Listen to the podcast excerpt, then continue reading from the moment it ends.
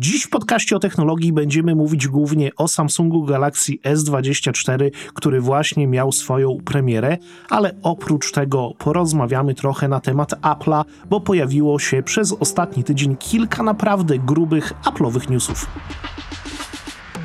Ale zanim przejdziemy do tematu dzisiejszego odcinka, do newsów i wszystkich innych rzeczy, przypominamy, że partnerem naszego podcastu jest firma Oppo i podobnie jak tydzień temu w tym tygodniu także możecie wygrać słuchawki Oppo Enco R3i. Są to słuchawki TWS z segmentu ekonomicznego, ale mają funkcje, które dalece wykraczają poza podstawową funkcjonalność. Także słuchajcie dalej, ponieważ w dalszej części podcastu padnie pytanie odcinka i aby wygrać te słuchawki, trzeba będzie na nie odpowiedzieć. A tymczasem przechodzimy do technologicznych newsów. Ale może jeszcze zanim newsy, Łukasz, powiedz jak tam wczorajszy powrót, bo wczoraj wracaliśmy z właśnie premiery warszawskiej, z takiego przedpremierowego spotkania, e, na którym zobaczyliśmy nowe Samsungi Galaxy S24, o których za chwilę. W ogóle jest to dla mnie dziwne, bo nagrywamy to w momencie, kiedy jeszcze obowiązuje NDA. Tu sobie będziemy o tym za chwilę gadać tak zupełnie otwarcie. Wy oczywiście słuchacie tego już po tym, jak ta premiera była więc tak naprawdę jesteście w przyszłości względem nas. No ale Łukasz, jak powrót, bo u mnie to była po prostu masakra, tragedia, co się działo na drodze. Le ledwo dojechałem. Armagedon. Powiem tak, jak 14 lat mam prawo jazdy i do Warszawy jeżdżę 20, czasami częściej razy do roku, tak nigdy jeszcze nie wracałem w tak podłych warunkach, bo akurat tuż za Warszawą złapała mnie burza śnieżna, taka z piorunami, gradobiciem i tak dalej więc wszyscy grzecznie w rzędzie 50 na godzinę, chociaż jeden pan w tirze postanowił, że to są idealne warunki do wyprzedzania, więc y, no, było to bizarne absolutnie. Wszyscy jadą powolutku, a typ ciśnie tirem lewym pasem, więc tyle jeśli chodzi o zakaz wyprzedzania tirami. Ale najgorzej było na odcinku ostatnich 100 km od Gdańska do Słupska, bo było nieodśnieżone, było oblodzone. Z kolei ostatnie 50 km, czyli już bliżej na takich drogach mniej krajowych, a bardziej lokalnych, dosłownie pięć aut w rowach,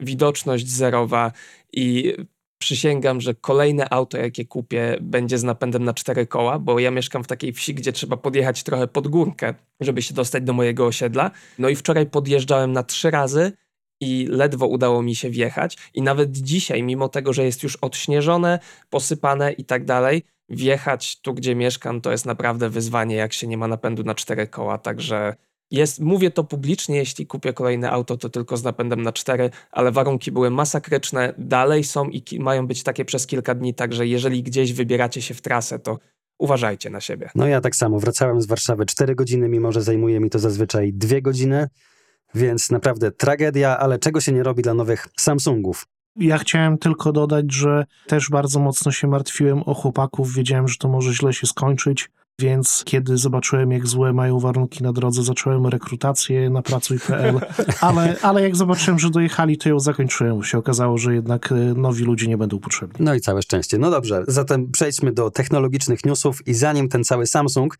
nasze newsy będą dotyczyły tak naprawdę w głównej mierze Apple. Słuchacie podcastu o technologii. To może ja zacznę od moim zdaniem najciekawszego newsa i jest nim fakt, że Apple będzie miał dwa App Story na iPhone'ach, iPadach i tak dalej. Dlaczego? No bo Unia Europejska zmusiła Apple'a do tego, żeby była możliwość side loadingu aplikacji, obecności innych sklepów, możliwości płatności w inny sposób niż za pomocą App Store'a. No i wiadomo, że Apple nie chce tego robić, więc na starych zasadach pozostanie na całym świecie poza Unią Europejską, a Unia Europejska będzie mieć zupełnie osobnego App Store'a, który będzie dostosowany do nowych zasad, żeby przypadkiem jeszcze komuś zbyt dobrze nie zrobić, żeby komuś życia nie ułatwić, kiedy te nowe zasady w Unii będą wprowadzane, bo nie jest tajemnicą fakt, że Unia Europejska, mimo że nie jest największą organizacją y, na świecie, to jednak ma ogromny wpływ na cały świat i rozwiązania, które u nas się pojawiają, później często są kopiowane, Apple ma wyjebane na to, mówiąc wprost, i po prostu zostawia stare zasady, tą swoją złotą klatkę na całym świecie poza Unią Europejską. Więc co tu dużo mówić? Dziękujmy za tę Unię Europejską, za to, że w tej cywilizacji żyjemy, bo gdzie indziej może być gorzej. No dokładnie, ja tylko dopowiem, że Apple oczywiście broni się przed tym, mówi, że jeżeli będzie alternatywny sposób instalowania aplikacji, no to będą oczywiście wirusy, jakiś malware, jakieś podglądanie haseł, phishing, czego tam nie będzie, wszystko złe, wszystko najgorsze, to co generalnie na Androidzie, syf, kiła, mogiła. No ale pamiętajmy, że tak naprawdę na macOS my możemy instalować aplikacje spoza tego App Store'a macowego. Nie ma żadnego problemu, żeby sobie zainstalować właśnie pliki ściągnięte po prostu z internetu i też jest ten system właśnie weryfikacji y, wbudowany właśnie w macOS, więc nie widzę przeszkód, y, dlaczego czegoś podobnego nie mogłoby być na iPhone'ach. Na pewno trzeba będzie chyba zrobić wideo, jak to się pojawi, nie tylko po polsku, ale może po raz pierwszy po angielsku. Łukasz może by zrobił, bo jestem pewien, że ludzie z innych części świata będą bardzo zainteresowani, jak to w ogóle działa. A to nie jest głupi pomysł, także kiedy to tylko wejdzie, to spróbujemy to zrobić. Deadline dla Apple'a to 7 marca, z tego co widzę, także po tym terminie powinniśmy już widzieć e, możliwość instalacji aplikacji na iOS z innych źródeł niż App Store, albo wręcz może już w tym terminie pojawią się nowe sklepy, bo założę się, że już Lidl, Biedronka. firm... To na przykład. Wie, wiele firm na pewno sobie ostrzy zęby na to, żeby ukroić dla siebie kawałek tego tortu, no bo jakby nie patrzeć, App Store jest może mniejszym z dwóch sklepów, ale jest tym bardziej dochodowym, więc tam jest się czym dzielić. Ale to też pokazuje, jak Apple, brzydko mówiąc, dyma swój najważniejszy rynek, czyli Stany Zjednoczone. I w tym kontekście mamy drugiego newsa o Apple'u, a mianowicie kontynuację sagi Apple versus Massimo dotyczącą Apple Watchy, które na moment zostały wycofane ze sprzedaży, później wróciły do tej sprzedaży i tam chodziło o naruszenie patentu na pulsoksymetr. I co zrobił Apple? Właśnie czytamy na The Verge, że plan jest taki, aby pulsoksymetr z Apple Watcha w ogóle usunąć. Mówiąc szczerze, nie wierzę, żeby do tego doszło. Prawdopodobnie Apple albo wykupi, wylicencjonuje jakąś inną technologię, albo opracuje coś swojego, bo brak pulsoksymetru, pomijając to, że jest żenujący, że byle opaska Xiaomi miałaby pomiar, którego nie ma drogi Apple Watch, to ten pomiar jest istotny nie tylko na przykład do monitorowania, czy masz COVID, ale przede wszystkim do monitorowania snu, bo pulsoksymetr podczas monitorowania snu jest wykorzystywany do rozpoznawania bezdechu sennego oraz spłyconego oddechu, a to się przekłada na przykład na takie prozaiczne rzeczy jak chrapanie, ale nawet na takie rzeczy jak bezsenność. No i jeśli Apple Watch będzie pozbawiony tej funkcji, to straci naprawdę bardzo istotne funkcje prozdrowotne, na które użytkownicy liczą. No dobrze, więc ja mam trzeciego newsa, to będzie też news związany z Apple i z iPhone'em tym razem. A mianowicie jest to news, który bardzo mnie zaskoczył, bo okazuje się, że na przestrzeni 2023 roku Apple po raz pierwszy wyprzedził Samsunga, jeżeli chodzi o sprzedaż smartfonów na świecie. Co to znaczy sprzedaż? Zaraz sobie do tego przejdziemy. Ale mamy pierwszy raz, pierwszy taki przypadek w historii, kiedy rzeczywiście numerem jeden, jeżeli chodzi o liczbę sprzedanych telefonów, jest firma Apple ze swoim iPhone'em.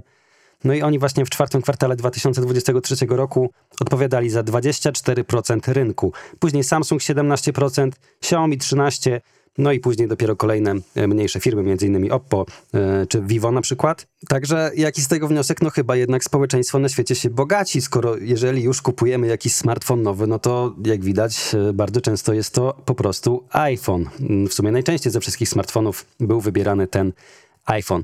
No tylko o co chodzi z tą sprzedażą? Bo tak naprawdę mm, jak zwykle te wskaźniki y, realnej sprzedaży są tak naprawdę nieznane, bo de facto ciężko jest śledzić, ile sprzeda smartfonów, mm, na przykład operator, ile sprzeda sklep, ile sprzeda oficjalny sklep, ile jakiś dystrybutor i tak dalej. Tych kanałów sprzedaży jest po prostu milion na całym świecie, jeszcze do tego dodajmy.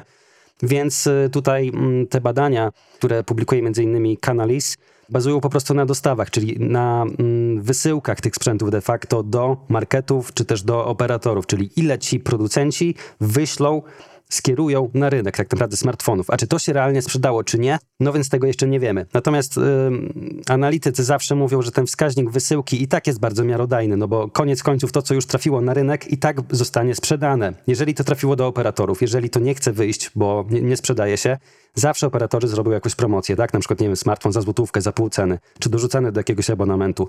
To samo sklepy. Zresztą, Marcin, ostatnio widzieliśmy, nagrywaliśmy salon jednego operatora i tam taki model Samsunga Galaxy A14 był wciskany absolutnie Tak każdemu, kto się tam pojawił i nie miał wiedzy na temat telefonów, więc jak widać ci sprzedawcy mają swoją siłę przybicia. Tak, tak. I to też były pytania na takiej zasadzie, że widziałem akurat przy mnie stare małżeństwo i właśnie pytali, czy to dobry smartfon? I pani e, sprzedająca mówiła, że tak, no Samsung, bardzo dobry telefon.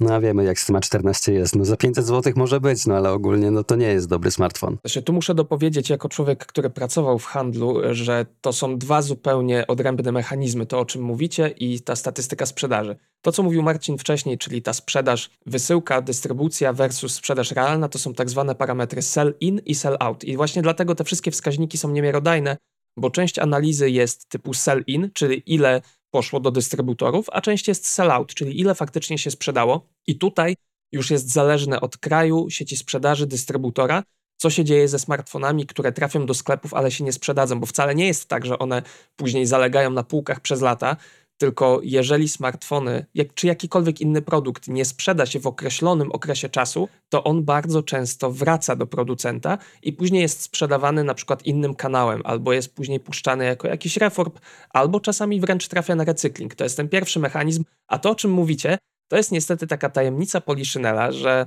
salony sprzedaży i salony operatorskie sprzedają nie to, co jest obiektywnie najlepsze dla klienta, ale to, za czego promocję najwięcej zapłacił dany producent. Czyli jeżeli. To tak jak youtuberzy.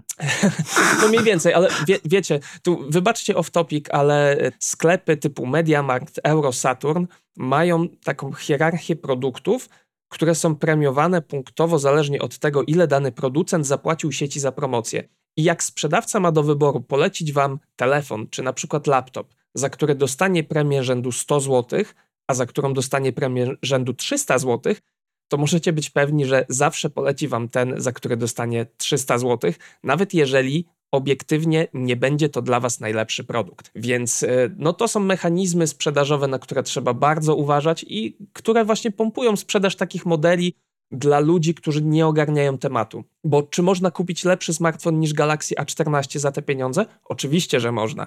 Ale czy jakąś przeciętną babcię czy przeciętnego Kowalskiego to obchodzi? Oczywiście, że nie. I salony sprzedaży to wykorzystują. Ale za 500 zł może być. No za 500 zł może być, za 1000 absolutnie nie. W obecnej cenie to jest bardzo fajny deal, zwłaszcza jak ktoś musi mieć Samsunga koniecznie, bo inaczej umrze i rodzina go wyśmieje. A takich ludzi jest dużo. Tak, takich ludzi jest bardzo dużo, dla których smartfon to Samsung i tyle. Ale co tylko chciałem dopowiedzieć, że Apple pobędzie sobie na tym tronie przez najbliższe dwa miesiące, aż wpadną nowe wyniki kwartalne, bo pamiętajmy, że właśnie w chwili, kiedy słuchacie tego podcastu, Samsung odpala swoją największą doroczną sprzedaż smartfonów, wychodzą najważniejsze produkty, więc na pewno Samsung wyprzedzi Apple'a w kolejnych kwartałach, a później może się to odmienić we wrześniu, kiedy wyjdzie iPhone 16.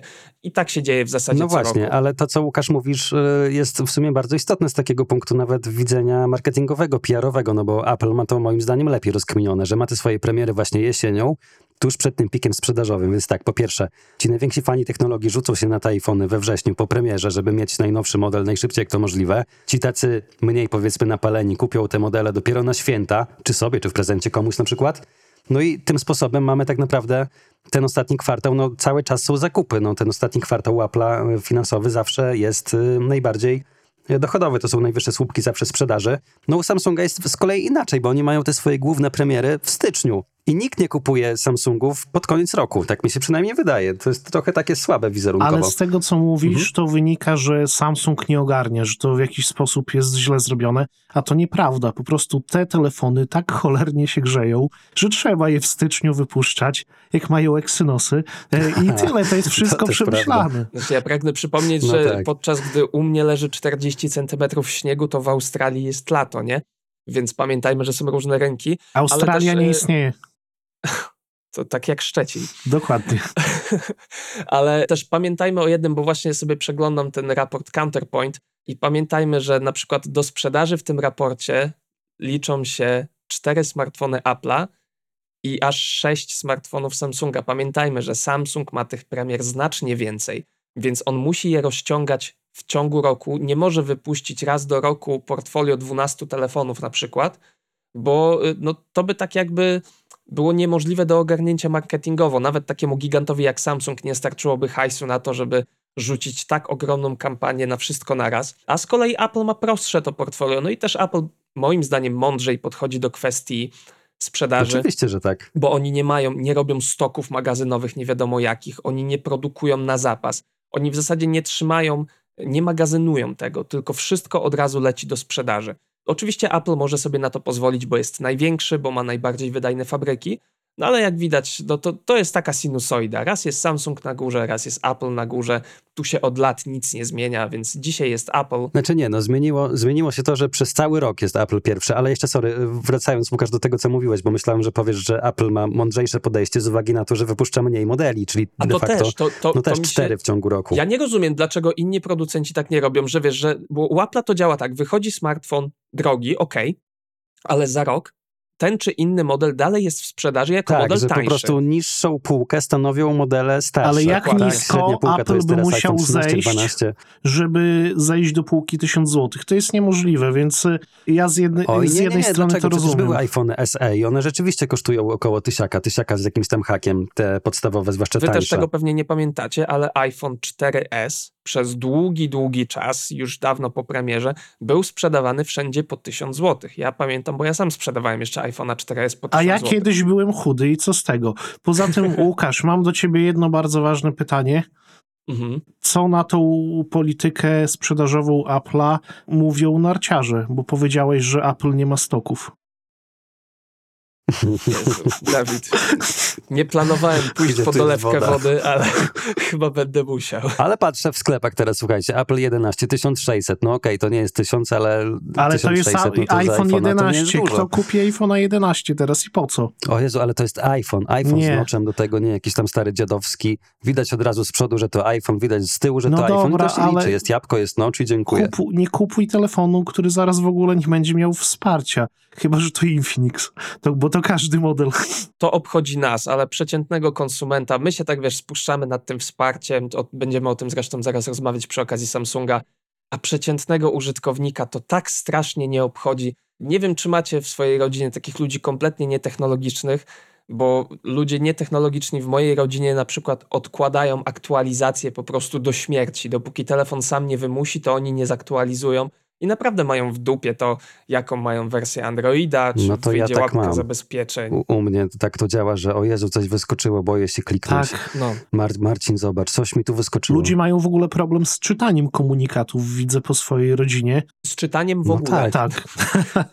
Ale wiecie, jak też jest taki pierdolnik z tymi cookiesami, z tymi powiadomieniami z przeglądarek, ludzie nie wiedzą, co zaakceptować, czego nie i później dostają jakieś powiadomienie o jakimś gównoniusie z Zonetu, że Tak. jakaś, nie wiem, celebrytka gdzieś tam wystąpiła i dostają po prostu pusza na telefon. Zresztą, panowie, wiemy, wiemy masakra. gdzie pracowaliśmy i że też te powiadomienia puszowe potrafiły podbić bardzo mocno ruch na stronie w jednej Dramat. chwili, y, w pewnym momencie, ale powiem wam, że no, to naprawdę trafia do ludzi nieświadomych, którzy klikają, bo nie wiedzą w co klikają, y, bo ja pamiętam, że jak pracowaliśmy właśnie w poprzedniej firmie, to na przykład y, dostawaliśmy maile od y, starszych kobiet. Pisały one, żeby dać im spokój i ich nie prześladować, bo cały czas, cały czas strona wyskakuje, więc no, to jest taki mechanizm i tyle.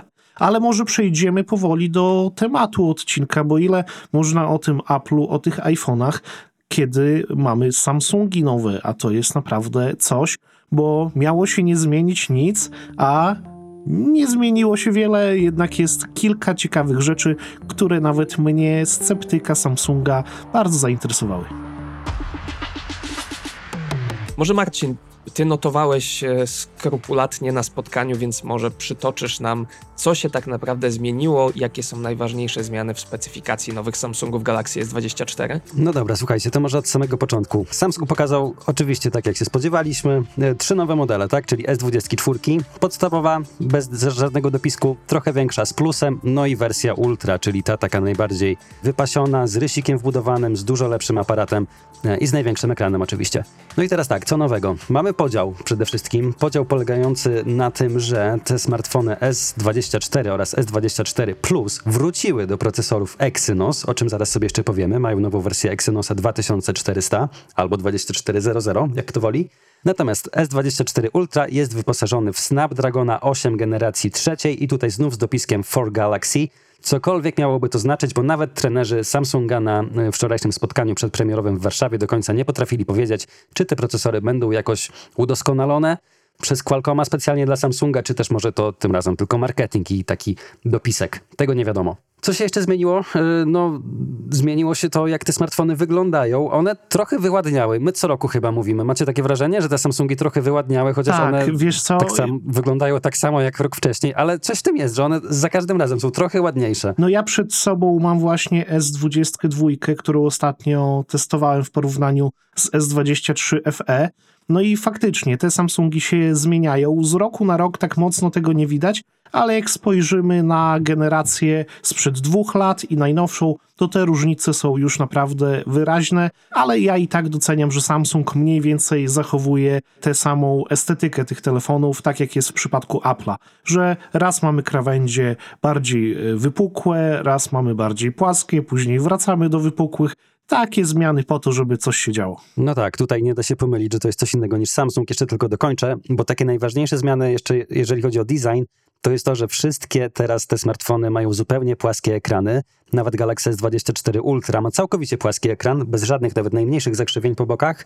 No i też Ultra jest tytanowy. Mm, Ma, jest właśnie wykonany, ramka Gdzie my jest to wykonana widzieliśmy? z tytanu. No właśnie, gdzie my to widzieliśmy? wiem, No nie ten wiem, tytan nie tak wiem. coś kojarzy. Mm. Coś na Tak i? samo jak ścięte krawędzie i płaskie ekrany. To wszystko brzmi bardzo znajomo. MyPhone? Coś takiego? MyPhone, tak, ten z Wrocławia. Fajne też jest to rozwiązanie z tą całą tapetą na Always On Display. E, Naprawdę ci się to podoba? Nie, ale... Mi się podoba, tak szczerze. Znaczy, mi się ani nie podoba, ani podoba. Fajne rozwiązanie, e, ale kwestia gustu. Ale to też jest kolejna rzecz, która po prostu została zerżnięta. No i tak trzeba powiedzieć. Tak, dopowiedzmy, że chodzi o to, że teraz na ekranie właśnie Always on Display, kiedy telefon leży sobie odłożony, może się wyświetlać nie tylko godzina albo jakaś grafika, ale właśnie cała tapeta, która jest tak lekko przygaszona. Czyli też rozwiązanie jak z tego drugiego smartfona iPhone'a. spod Wrocławia, iPhone'a, dokładnie. Tak.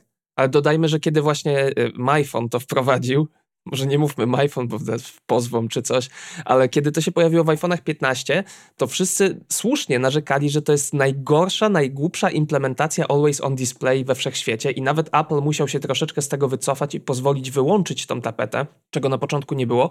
Moja nadzieja jest tylko taka, tak jak zobaczyłem sobie, jak to działa na żywo, że przez to, że mamy masę opcji kustomizacji, to będzie można tą tapetę na tyle przyciemnić, żeby to było tak subtelne, żeby nie przeszkadzało. Bo na przykład w iPhone 15 Pro Max ja musiałem to wyłączyć, bo mi to tak waliło w nocy po oczach, że to kompletnie niwelowało sens używania Always on Display, bo równie dobrze mogłem mieć po prostu ekran Ale to też jest rozwią- da się rozwiązać ten problem. e, Jak śpisz, to oczy zamknij i nie będziesz widział.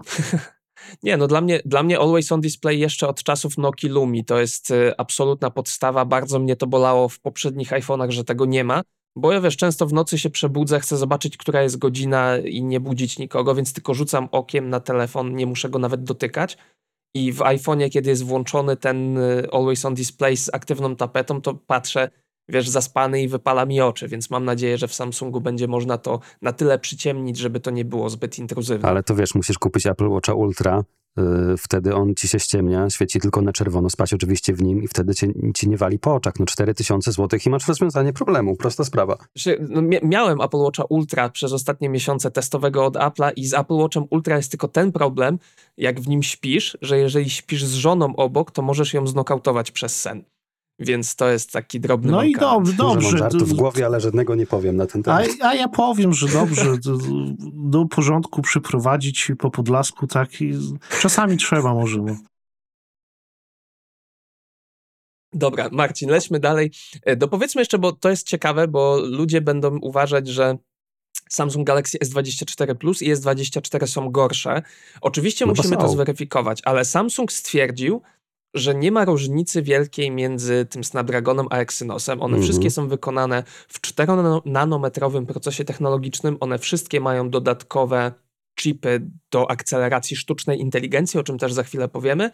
No ciekawe, oczywiście wszystkich najbardziej interesuje to, czy będą się przegrzewać. Naturalnie sprawdzimy to, jak tylko dostaniemy telefony do ręki, ale mniejsza już o te procesory. Co się jeszcze zmieniło? Urosły nam troszeczkę akumulatory, nie? Tak, ale delikatnie, delikatnie. W Ultrze się nie zmienił w ogóle akumulator. W S24 Plusie urósł z, już wam mówię, bo mam tu notatki, z 4700 na 4900 mAh. No to tak delikatnie. No a w tym najmniejszym z 3900 na 4000 równo. Marcin, a jakie jest ładowanie? Bo ja tu widzę w specyfikacji, że jest super szybkie ładowanie 2.0.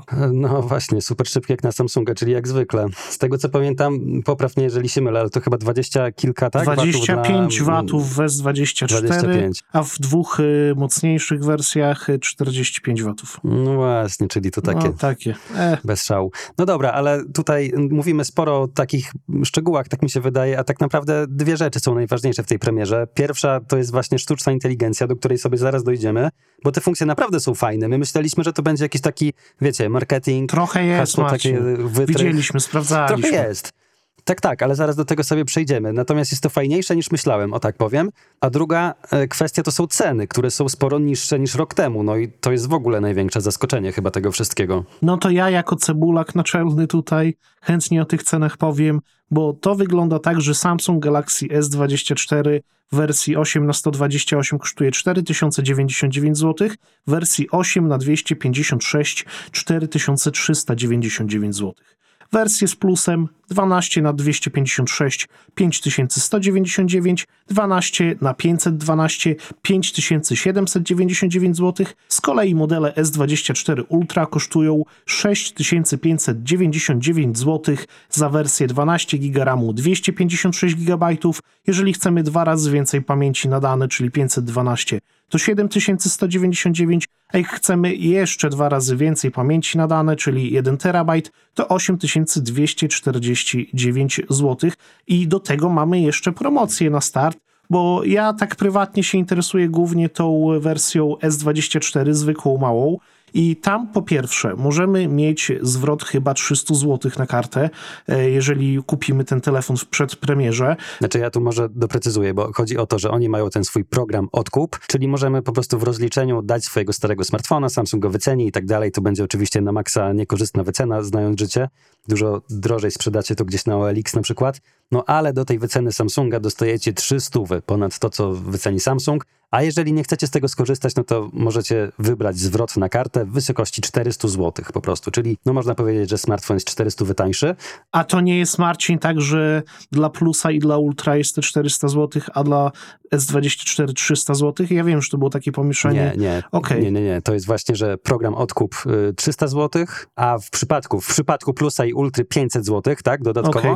Albo właśnie zwrot na kartę dla wszystkich 4, 400 zł. No jest to trochę zamieszania, no ale No ale dobra, i jeszcze można- mamy co? Podwojoną pamięć na start. Tak, i to jest chyba To jest bardzo fajne, czyli za tak naprawdę 3699, jak weźmiemy sobie ten zwrot na kartę, dostajemy S24 zwykły w wersji 8 na 128 i według mnie, jak na start, Nie, no, to jest właśnie genialna jeszcze cena. więcej, no bo A co jeszcze? 8 na 256 A dostaniesz przepraszam, tak naprawdę, no dostaniemy ci podwoją. 8 na 256 i będzie to kosztować 3699 zł. No to jak na start to petarda. Petarda, petarda, więc y, sam się zastanawiam, zwłaszcza, że jeżeli któryś model będzie mieć problemy z przegrzewaniem się, to ten najmniejszy, a to mnie ciekawi najbardziej. No i tu jest fajne, że oni podwajają, Samsung podwaja teraz pamięć nawet w przypadku S24 Ultra, tego najwyższego. To znaczy, jak zamówicie 1 tera, to magicznie nie dostaniecie wersji 2 tera, bo takiej nie ma. Ale jak zamówicie tego 512, to otrzymacie wersję właśnie 1 tera, która jest normalnie 1000, y, prawie 100 zł droższa. Rok temu też było coś podobnego, ale właśnie to nie dotyczyło tych topowych wersji Ultra. W tym roku już takich ograniczeń nie ma, także no też krok fajny bardzo do przodu. A, no i jeszcze jedna rzecz, tu mam w notatkach, że y, dla tych największych zapaleńców, którzy chyba w pierwszym tygodniu tego pre-sale'a się zdecydują na zakup do 23 stycznia, to jeszcze Samsung do tego wszystkiego dorzuca gratis słuchawki Galaxy Buds 2. Które dorzuca grafitowe. do wszystkiego chyba. Ciekawe, kiedy im to wszystko... Ale to nie, nie to są dobre słuchawki. Nie. tylko jestem ciekaw, kiedy im to z magazynu zejdzie, bo ja, ja w, pewnym, Mają ja w pewnej tego. promocji kupiłem je za 200 zł, bo tam jakieś cashbacki były, wycinanie kodu z pudełek, wiecie, te promocje w stylu Samsunga. Tak. A jak na firmę to policzyłem w ogóle, to wyszło mi, że chyba to mnie kosztowało 10 zł czy coś takiego. Więc e, naprawdę jakiś Ale absurd. patrzę teraz, że cena taka realna na rynku to jest y, tych słuchawek tak I 460 to jest zł. taka prawdziwa cena. No. To jest rozsądna. A, i jeszcze dopowiedzmy, że cały ten pre-sale, czyli ta oferta właśnie premierowa, obowiązuje od 17 stycznia, czyli tak naprawdę od momentu premiery rynkowej, a raczej premiery, no takie wiecie, tego wydarzenia Unpacked, do 30 stycznia do 23.59. No a te słuchawki, tak jak mówiłem, trochę trzeba się bardziej pośpieszyć, bo to obowiązuje do 23 stycznia. Ja jeszcze od siebie dodam, bo ja poniekąd y, biznesowo ogarniam y, ten nasz kanał. Jakby już ktoś z was się napalił i kupował, to weźcie w Media Expert y, z linku pod filmem naszym, bo to nam pomoże. Dokładnie. No dobra, to zanim jeszcze przejdziemy do AI, żeby się nie zgubić, ja jeszcze mam kilka takich ciekawostek wypisanych, sprzętowych, po prostu coś, co się zmieniło, bo y, mamy też trochę lepsze ekrany. One tam delikatnie urosły, ale to nie jest coś, czym warto sobie chyba zaprzątać głowę. Te smartfony, no mają cieniutkie ramki i tak dalej. Wielkościowo to jest praktycznie to samo, co było. W Ultrze tak naprawdę chyba nic się nie zmieniło, poza tym, że ekran jest płaski, ale co jest fajne, to to, że teraz wszystkie telefony mają ekrany od 1 do 120 Hz, czyli mogą zejść nawet właśnie do 1 Hz. Wcześniej e, tego nie było w tym najmniejszym i chyba nawet w plusie tego nie było, z tego co kojarzę. Z kolei w plusie teraz zwiększyła się rozdzielczość mm, do tej większej, czyli Quad HD, czyli de facto plus ma teraz taką rozdzielczość jak Ultra, a nie taką jak mały. I ja tak w ogóle widzę, że ten S24 Plus pod względem specyfikacji bardzo mocno się zbliżył do Ultry. Wiadomo, że nie ma takiego zoomu, że nie ma rysika, ale generalnie moim zdaniem te różnice są niewielkie. Też przez to, że bateria się powiększyła. W specyfikacji to ten procesor głównie, zoom w aparacie, no i tak naprawdę rysik. Ja e, fanem rysików nie jestem i jakbym brał te Ultra, to chyba tylko po to, żeby mieć świadomość, że mam najlepszego Samsunga na ten rok, a tak ogólnie pod względem użytkowym, no to moim zdaniem mądrzej jest zdecydować się na plusa. Chociaż ja i tak wolę zwykłego S24.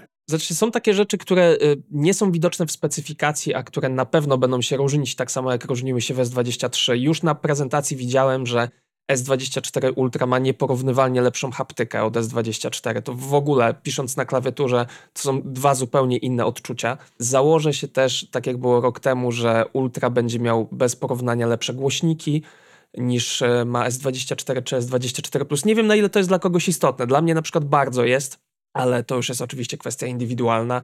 Z Rysika też nie korzystam w zasadzie, ale ten Ultra naprawdę mi się spodobał. Wiecie, co mnie najbardziej zaskoczyło? Ja się obawiałem, że jak oni spłaszczą ten ekran, że już w ogóle nie będzie zagięcia, to będzie go trudno obsłużyć jedną ręką, bo to i tak jest nie dość, że ogromny no kloc, telefon, kloc. to jeszcze ma dość, no jest kloc i ma dość szeroki ten ekran.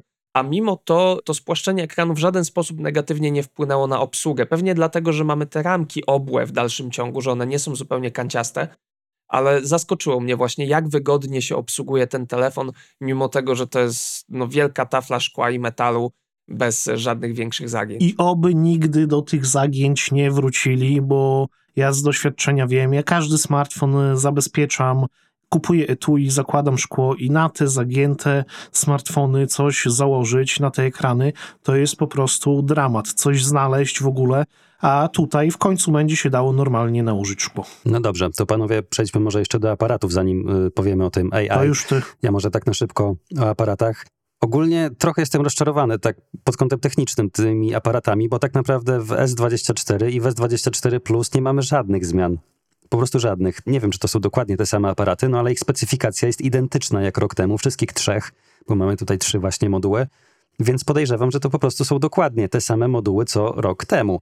No i ja uważam, że to jest strasznie słabe, bo w takim sztandarowym smartfonie z najwyższej właściwej półki, a przynajmniej z tej serii najwyższej, strasznie rozczarowujący jest ten telezoom, bo on ma mikroskopijną matrycę, która ma przekątną praktycznie e, wielkości 1 czwartej cala, co jest no, moim zdaniem mm, po prostu nieporozumieniem w 2024 roku. Też ten e, telezoom ma właśnie matrycę ze sobą 10 megapikseli.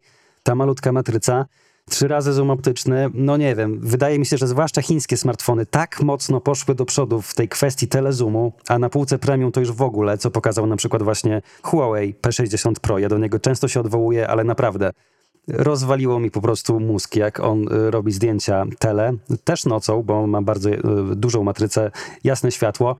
Tutaj mamy i słabe światło, i małą matrycę, więc pewnie będzie kupa. Niestety. Ja wiem, że software'owo oczywiście ktoś powie, że software jest ważniejszy niż hardware, że tam można wszystko software'owo wyciągnąć. No ale jeżeli mamy słabą jakość, już aż tak, aż tak słabe parametry tego aparatu, no to no niestety, no nawet software'owo myślę, że tutaj cudów nie będzie. No ale dobra, aparat w S24 Ultra, bo to jednak najbardziej taki fotograficzny model, Tu też zmian jest niewiele. Mamy znowu cztery aparaty, czyli ten ultra szerokokątny z rozdzielczością znowu tylko 12 megapikseli, trochę słabo. Mamy ten standardowy 200 megapikseli, tutaj mamy te wszystkie cudawianki. No i mamy dwa teleobiektywy. Jeden ma krotność teraz razy 3, a drugi razy 5, a nie razy 10, tak jak rok temu. No i tu właśnie zmienił się ten dłuższy teleobiektyw, bo rok temu Samsung miał takie podejście, że wsadził tam właśnie krotność y, razy 10, ale matrycę tylko 10 megapikseli. W tym roku zrobili trochę na odwrót, bo dali właśnie pięciokrotny zoom optyczny, czyli mniejszy, ale matrycę aż 50 megapikseli, więc po prostu mm, te wszystkie dalsze przybliżenia, takie cyfrowe, będą realizowane poprzez po prostu docięcie tego zdjęcia, poprzez kropowanie. No i tu Samsung mówi, że jakość optyczną, jak optyczna, udało się uzyskać nawet do tego zoomu razy 10, czyli po prostu będzie to zoom niby bezstratny. No będziemy to jeszcze testować, czy rzeczywiście aż tak będzie. Także w aparatach no, małe zmiany, zobaczymy jak w praktyce będzie ogarniane software'owo, ale no mówię, ja jestem troszeczkę rozczarowany tym małym poziomem zmian. Więcej dzieje się w software'ze, ale tutaj też właśnie ta sztuczna inteligencja za to bardziej odpowiada, więc tu może głos oddam e, Dawidowi, bo trochę też testował wczoraj sztuczną inteligencję. Ja o aparatach nie będę mówił, bo od tego u nas jest zarówno Łukasz, jak też Marcin. Ale jeżeli chodzi ogólnie o sztuczną inteligencję, to powiem wam, że kiedy oglądaliśmy prezentację, to wyglądało naprawdę super, bo tam mamy rozwiązania takie chociażby jak możliwość mówienia do telefonu i transkrypcji tej mowy na tekst w formę notatki, a później dodatkowo z tej notatki jest robione podsumowanie w formie punktów. To mi się bardzo podobało. Tak samo Samsung Galaxy S24, każdy, bo te funkcje są takie same we wszystkich trzech modelach, będzie mógł robić na przykład podsumowanie artykułu ze strony internetowej. I ja wam powiem, że dla użytkownika to jest bardzo fajne rozwiązanie, jednak jestem ciekaw, czy będą o nim pisać media technologiczne, bo to jest bardzo nie w ich interesie, żeby ktoś zamiast klikać w jakieś tabletowo, antyweb czy gdzieś indziej, to po prostu czytał podsumowanie w jakiejś aplikacji Samsunga, no bo po prostu tego ruchu wtedy nie będzie, a jak będzie, no to będzie on znacznie mniejszy, będzie też y, krótszy czas wejścia na stronę, więc I nie będzie reklam. nie będzie reklam, co najbardziej bolesne właśnie dla mediów. I jestem ciekaw właśnie, kto będzie o tym mówił, czy ktoś w ogóle będzie chciał. Jednak najbardziej podoba mi się tłumacz i zarówno taki zwykły, jak też możliwość, uwaga, tłumaczenia na żywo rozmów telefonicznych. My to już mieliśmy okazję przetestować, bo kiedy zobaczyliśmy te funkcje, to od razu Marcinowi powiedziałem, że wkładamy kartę SIM i dzwonimy gdzieś za granicę, żeby to sprawdzić. I o ile na prezentacji, którą widzieliśmy właśnie u Samsunga, to wyglądało super. Przyszli inżynierowie chyba z R&D i e, mówili do siebie po polsku, po włosku, to tłumaczyło na bieżąco. No, wyglądało to naprawdę wow. Tylko po pierwsze, podejrzewam, że mało kto, kto tam siedział z dziennikarzy, znał tak naprawdę włoski, więc możliwość weryfikacji jest e, żadna. Po drugie, te zdania były troszeczkę jak z takiego podręcznika jakiegoś języka, w tym przypadku włoskiego, do szkoły podstawowej. Coś w stylu: Dzień dobry, chciałbym wejść tutaj do restauracji. Dzień dobry, witamy pana w restauracji. Dzień dobry, chciałbym zjeść coś tam. No i to tak wyglądało właśnie jako całość fajnie, ale jak człowiek później to przemyślał, to widać, że to było 100 razy ćwiczone, były dobrane odpowiednie frazy, żeby to na dziennikarzach, youtuberach, tiktokerach i e, innych pasożytach zrobiło to po prostu dobre wrażenie. I kiedy my No to tak. sprawdziliśmy, no to z jednej strony... Ale powiedz może jak sprawdziliśmy, bo zadzwoniliśmy najpierw do prawdziwej restauracji w Rzymie i straszną bekę miałem, bo to była godzina chyba 15. I nikt, nikt nie nikt odebrał, nie chyba jeszcze odebrał. A i wtedy też dotarło do nas, że przecież my włoskiego nie znamy, więc co my sprawdzimy tak naprawdę? I później e, właśnie zadzwoniliśmy do hotelu w Londynie, bo angielski jednak znamy. Tak. I tam e, próbowaliśmy w restauracji hotelowej umówić rezerwację na następną środę na 20 osób. Oczywiście to później odwołaliśmy, rozmyśliliśmy się i tak dalej, żeby komuś nie marnować e, czasu, chociaż tak trochę zmarnowaliśmy na tę rozmowę i działało to naprawdę dziwnie. Z jednej strony ludzie w ogóle nie są do tego przyzwyczajeni, bo to jest tak, że ty mówisz do telefonu coś, Później telefon to powtarza w języku obcym, później ktoś do was mówi coś w języku obcym i telefon powtarza to w waszym języku. Przez to ta rozmowa Mhm. bardzo się wydłuża i początkowo, dopóki takie rozwiązania nie staną się popularne, to jestem pewien, że dla wielu ludzi to będzie po prostu dziwne. Ale kiedy już popularne się zrobi, to myślę, że to będzie e, akceptowalne i to faktycznie wszystkim pomoże. Słyszę, Marcin, że coś chyba chcesz powiedzieć. Mhm.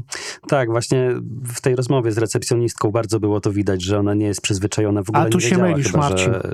Bo to było Mhm. słychać. Hehe. No nie wiem, czy ona to słyszała po swojej stronie. Nie wiem, jak to brzmiało. W każdym Ale razie nie, bo powiedziałeś, często było że, tak, że widać, a nie jest, a było słychać. Okej, widać, To jest słychać. ten moment, w którym idziemy po Tak. wodę. No w każdym razie wiecie o co chodzi, że po prostu Dawid e, zadawał pytanie po polsku. Ona e, najpierw musiała chwilę poczekać, żeby usłyszeć to pytanie. Później z kolei my czekaliśmy na odpowiedź. Ona już się niecierpliwiła, bo To było słychać. powinna już dostać tę odpowiedź, tak, a tak naprawdę y, jeszcze coś tam dopowiadała w międzyczasie.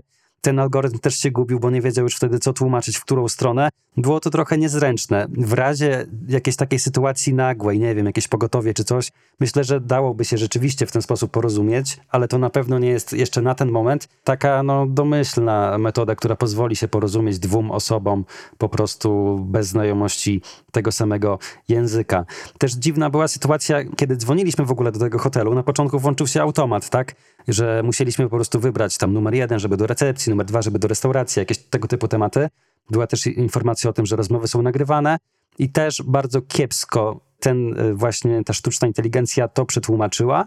Tak naprawdę trzeba było więcej zrozumiałem z tego angielskiego niż tak naprawdę z polskiego, co powinniśmy przycisnąć i tak dalej. Gdyby to był język obcy, którego nie znamy, myślę, że moglibyśmy się już na tym etapie mocno pogubić. Niemniej to rozwiązanie mi się podoba, bo wiadomo, że ono będzie rozwijane. To jest taka pierwsza wersja, można powiedzieć, więc jestem fanem. Wydaje mi się, że w jakiejś przyszłości pewnie doczekamy się w końcu tłumaczenia symultanicznego, ale kiedy to będzie, za ile lat, nie wiadomo. Póki co, taka ciekawostka, jak jesteście za granicą i bardzo chcecie się z kimś porozumieć, to można skorzystać, porozumiecie się, tylko też dobierajcie słowa odpowiednio, mówcie prostymi zdaniami, bo to nie jest tak fajne, jak Samsung pokazuje, mimo że i tak jest fajne. Mój ulubiony przykład to chyba nawet nie ten z naszego hotelu, tylko Michał Mielnik z Chipa razem z Techmate'em dzwonili Tak. do restauracji, do pizzerii jakiejś i pytali, czy mają ostrą pizzę tam. I słowo ostra w kontekście pizzy zostało przetłumaczone jako sharp. I moim zdaniem e, to najlepiej pokazuje, jaki to jest poziom tego tłumaczenia. No tak, działa to średnio, ale jeszcze chcę wrócić do tej poprzedniej funkcji, bo bardzo mi się spodobało to, że nie ma limitów, jeżeli chodzi o notatki, tak? Jeżeli chodzi o to, że możemy coś dyktować do telefonu i ten telefon właśnie po pierwsze to spisuje, po drugie robi te takie mm, key pointy, czyli to podsumowanie w punktach tego, o czym mówiliśmy. Nie ma tu limitu czasu według Samsunga, co oznacza, że taki telefon możemy zabrać na przykład na jakiś wykład, jeżeli jesteśmy studentami czy coś takiego, nagrywać powiedzmy przez dwie godziny i po tych dwóch godzinach po pierwsze mieć całą transkrypcję tego, co, o czym była mowa, a właśnie po drugie mieć jeszcze wszystko wyszczególnione w punktach. Pytanie, Więc jak to będzie zdaniem, działać. To, tak, jeżeli to będzie działać dobrze, no to naprawdę bardzo, bardzo fajna rzecz. Ale co warto też powiedzieć, że masa tych funkcji dzieje się na urządzeniu. Na przykład te notatki, o których mówił Marcin. O ile sama transkrypcja notatek jest robiona na urządzeniu, tak możemy później skorzystać jeszcze z chmury, żeby te notatki tam chyba było posortować, nie? I można było customowe okładki generowane przez sztuczną inteligencję robić, żeby to jakoś ładnie wyglądało. Tak, jakieś takie dodatkowe funkcje. To, co też mówił Dawid o robieniu podsumowań artykułów, jestem pewien i znam osobiście wiele osób, którym dupa pęknie przez to, bo tego nie będzie się dało zablokować.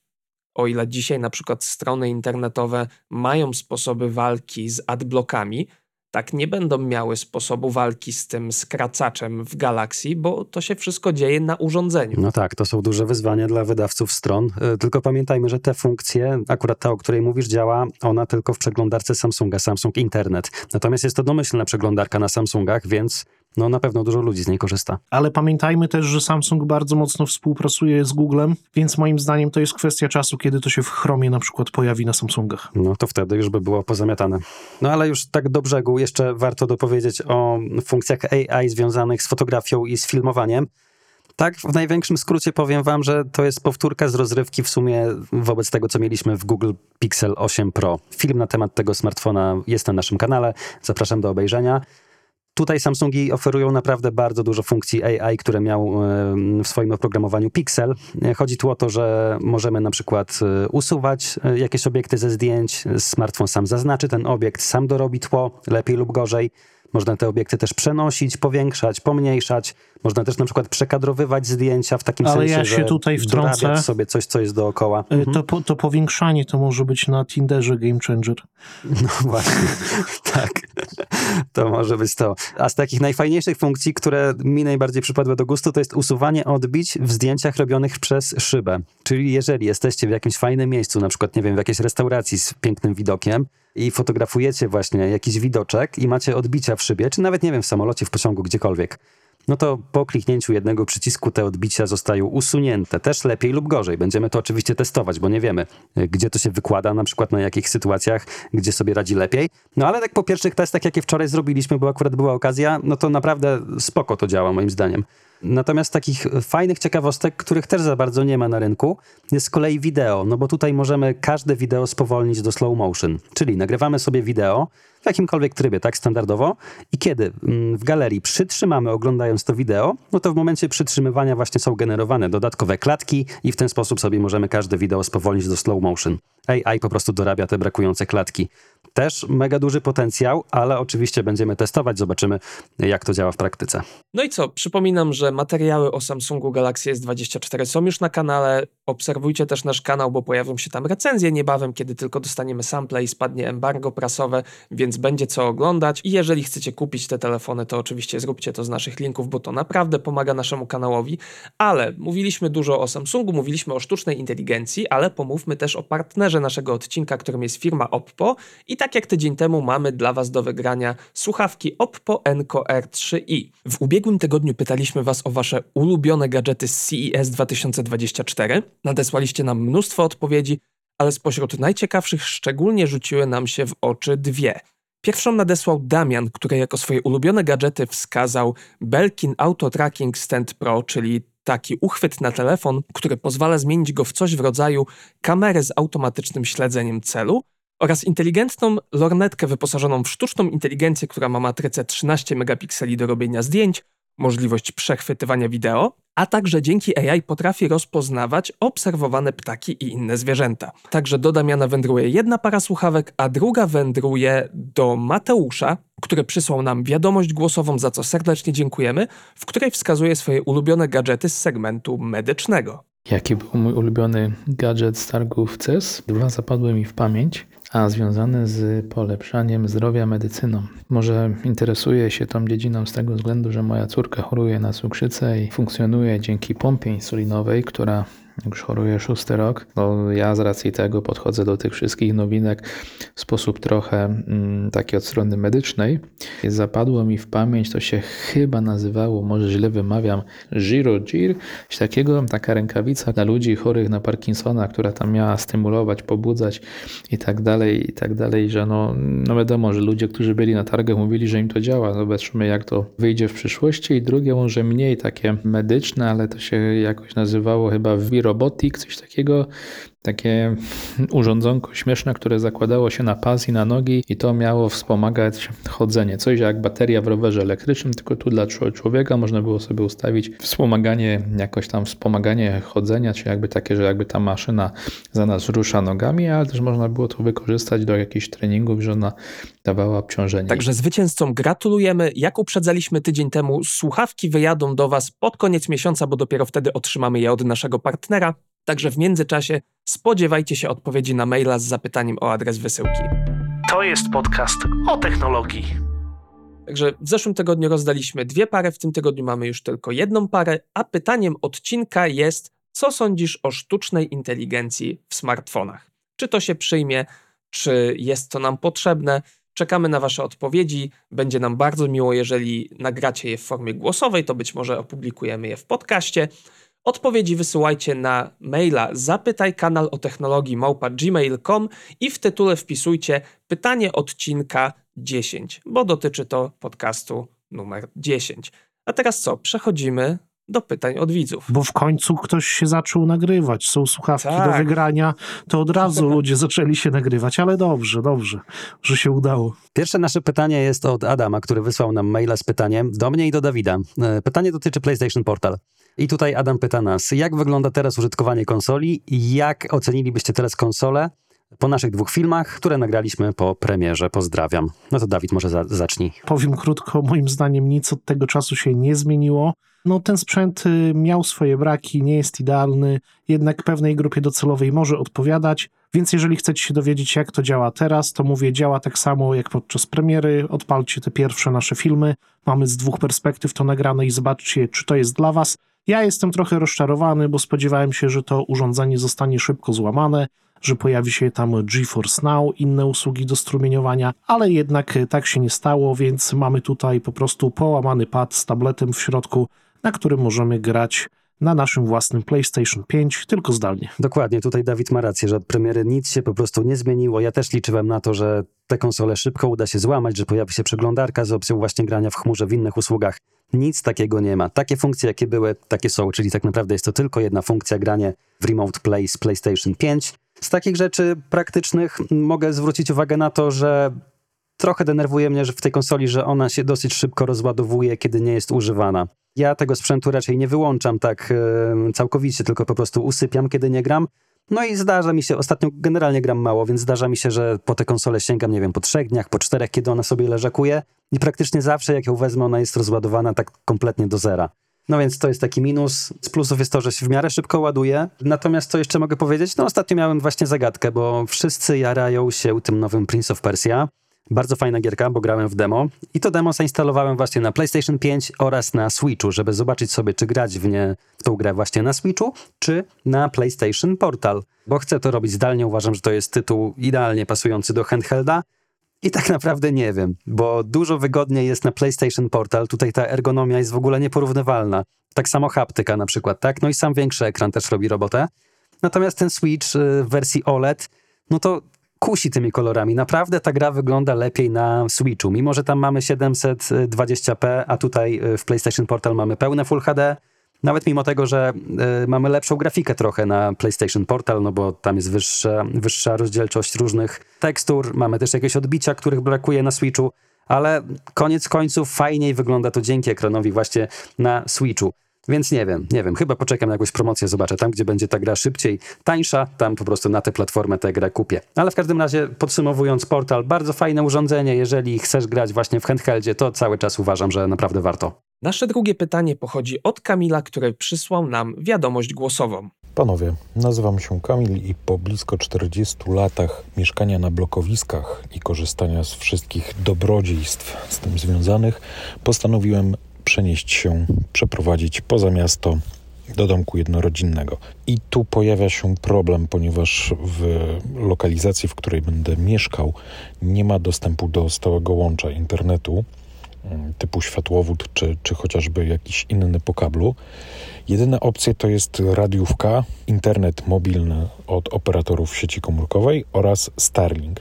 Moje pytanie brzmi, czy coś z tych rzeczy jest lepsze, godniejsze polecenia? Jeżeli chodzi o to, co wybrać do domu, to no przede wszystkim lobbować za tym, żeby jak najszybciej dociągnąć światłowód. Warto popytać operatorów, bo czasami jest to kwestia przebicia się gdzieś na szczeblu nie tyle lokalnym, co e, w jakimś regionie, odezwać się do przedstawiciela, bo może jest szansa, żeby dociągnąć światłowód, nawet jeżeli będzie to kosztowało trochę pieniędzy ale jeżeli chodzi o wybór między Starlinkiem, radiówką a ofertą operatorów, no to przede wszystkim tak. Największą wadą Starlinka jest to, że kupując Starlinka płacisz pieniądze Elonowi Muskowi, więc to zależnie od tego, czy sumienie ci pozwala, to może być wada lub zaleta. Ale też e, miałem przyjemność pracować przy realizacji materiału o Starlinku i mam też kilka osób znajomych, które mają Starlinka.